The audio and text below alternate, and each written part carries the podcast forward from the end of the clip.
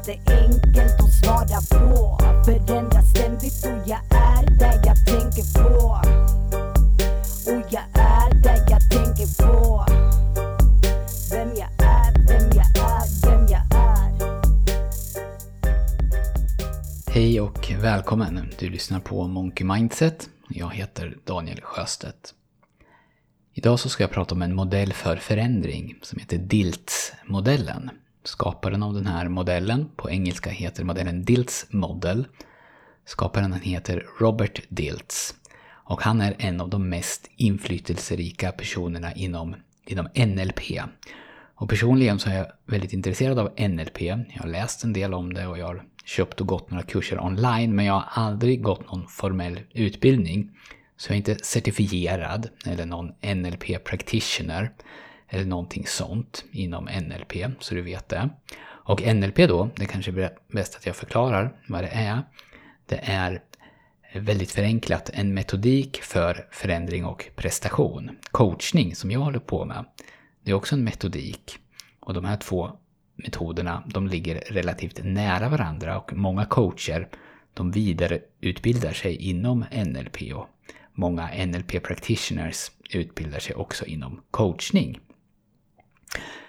Och de här bokstäverna, NLP, de står för neurolingvistisk programmering. Och om man går in på Wikipedia-sidan för NLP så redan i den första meningen står det så här att neurolingvistisk programmering är en pseudovetenskaplig beteendepsykologisk modell som bygger på studier av professionella kommunikatörer och deras sätt att skapa förändring genom sin kommunikation. Eh, och eh, pseudovetenskaplig, det betyder ju då att det inte, åtminstone inte enligt Wikipedia, är en metod som kan skapa resultat på ett sådant sätt att det kan sägas ha stöd i forskningen. Och det här var en ganska lång brasklapp.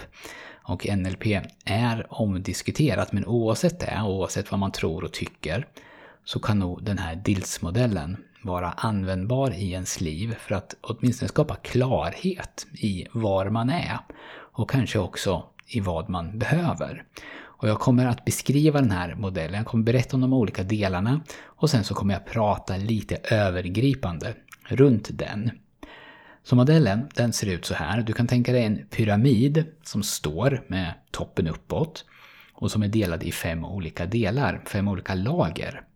Så ett lager i botten, ett ovanför det och så vidare tills vi kommer till toppen. Lagret längst ner i den här DILTS-modellen, där lagret heter miljö och omgivning, på engelska environment. Och det är basen i pyramiden. Lagret, ovan, lagret ovanför heter beteenden, behaviors.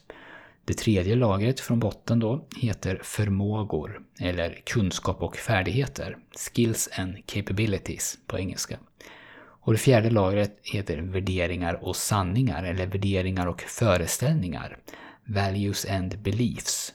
Och så det översta lagret, toppen av pyramiden, heter identitet. Så man går från eh, miljö och omgivning ända upp till identitet. Och ibland så är den här modellen indelad i fem delar som jag har gjort nu.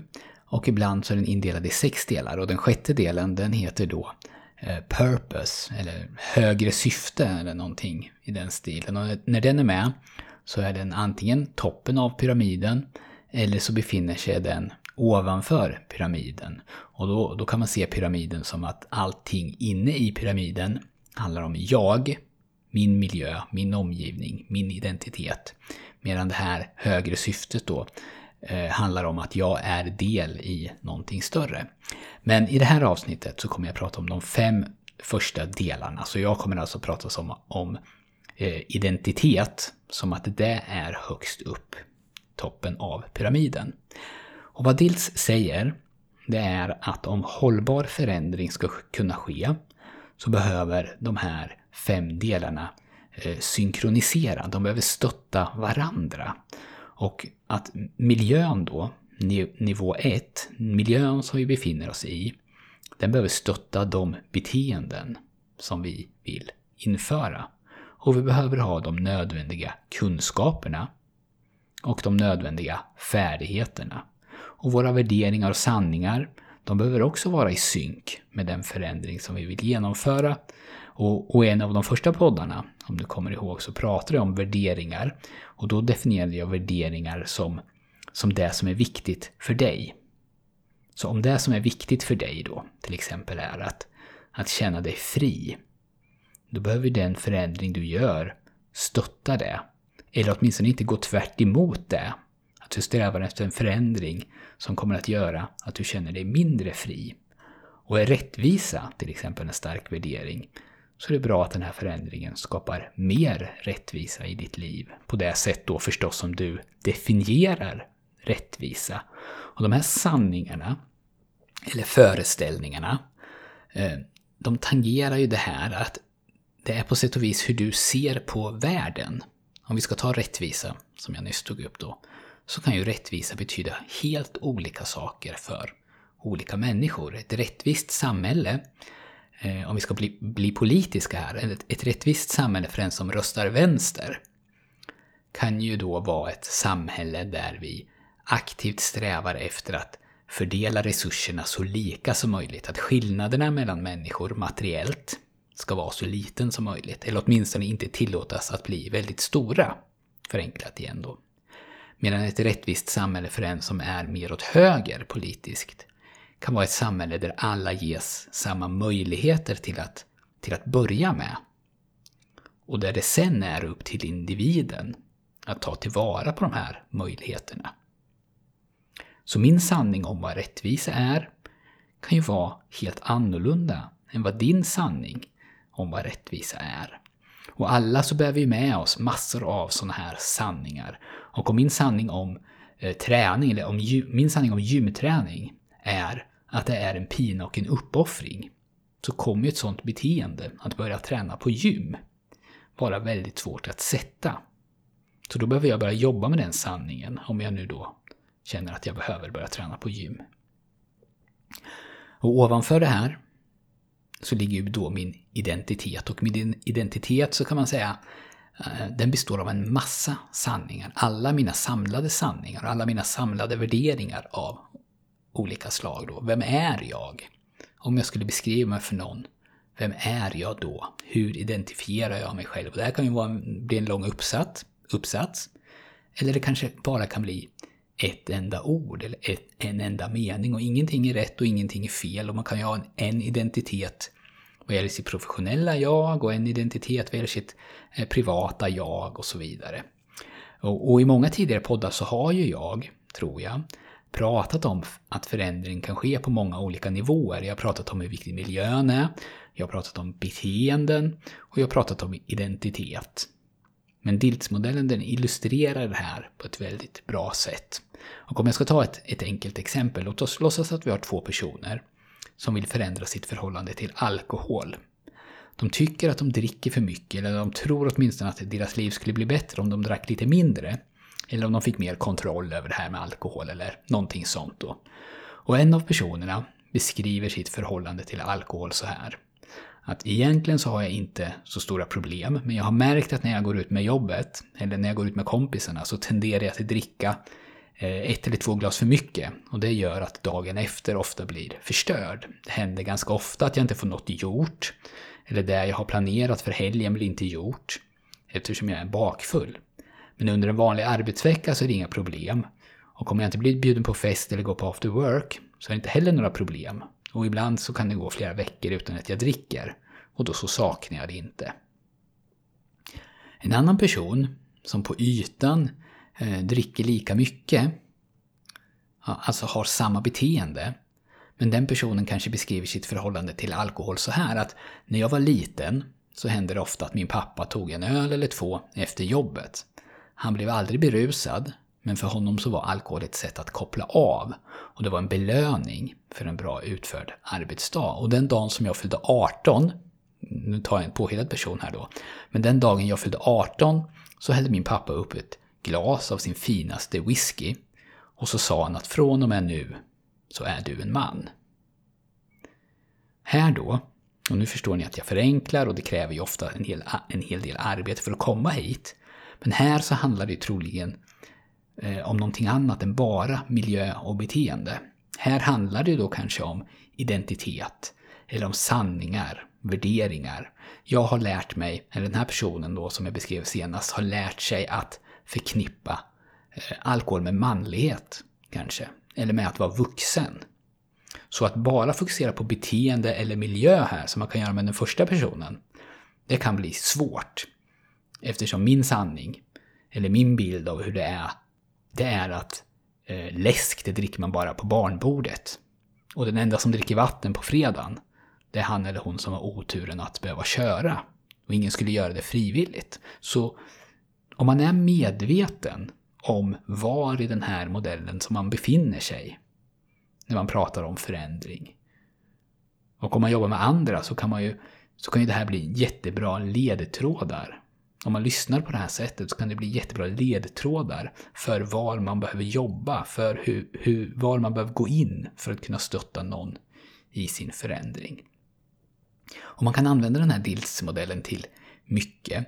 Och ett sätt, det är ju att antingen bara jobba med, till exempel med en kompis som börjar ställa frågor, eller med papper och penna och ställa de här frågorna till sig själv och sen börja undersöka den här pyramiden nerifrån och upp och starta då med ett, med ett mål eller en önskning om vad man vill ha eller hur man vill ha det. Och så utgår man ifrån att det är så till exempel, att man nu har uppnått det här som man vill uppnå, eller att jag nu eh, att jag nu är hälsosam då till exempel, eller i balans, eller jag är effektiv i mitt arbete, eller i mitt ledarskap, eller vad som helst. Och så börjar man så noga som möjligt beskriva den miljö som man då befinner sig i, när det här är sant. Och det kan ju förstås också vara exakt samma miljö som man befinner sig i just nu, men troligtvis så är det ändå någon skillnad. Kanske är det lite mer välstädat på kontoret, eller så finns det mer växter, eller så är skåpet med bokföring mer i ordning.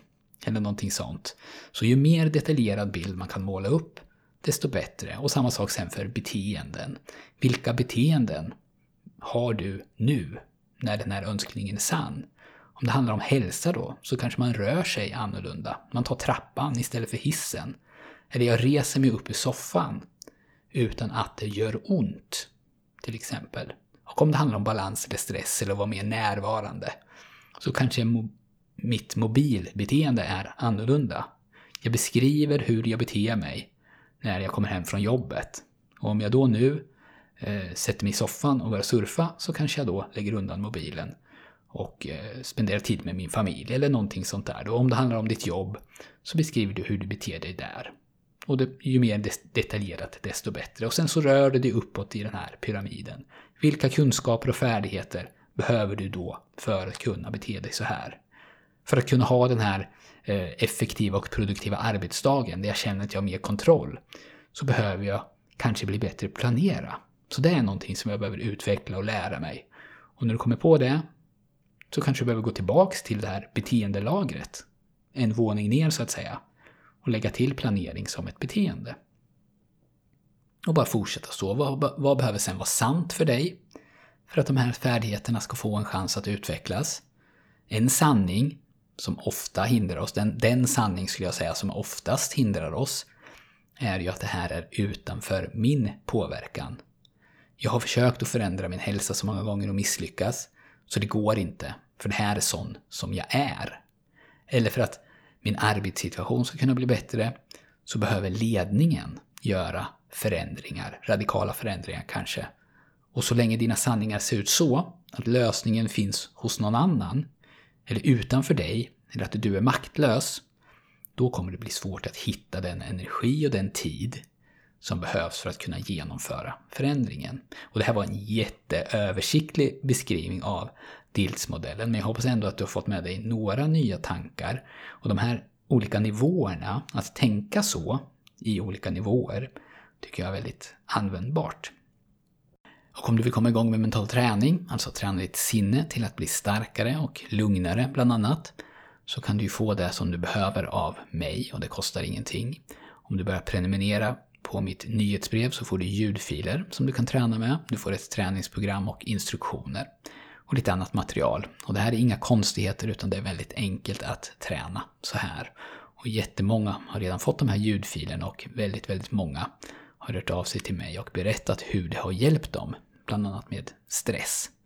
Så gå då in på monkeymindset.se och där finns det en knapp att trycka på för att prenumerera på mitt nyhetsbrev och få allt det där.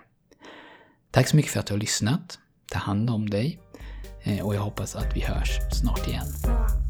Vem jag är det är inte enkelt att svara på Förändras ständigt och jag är där jag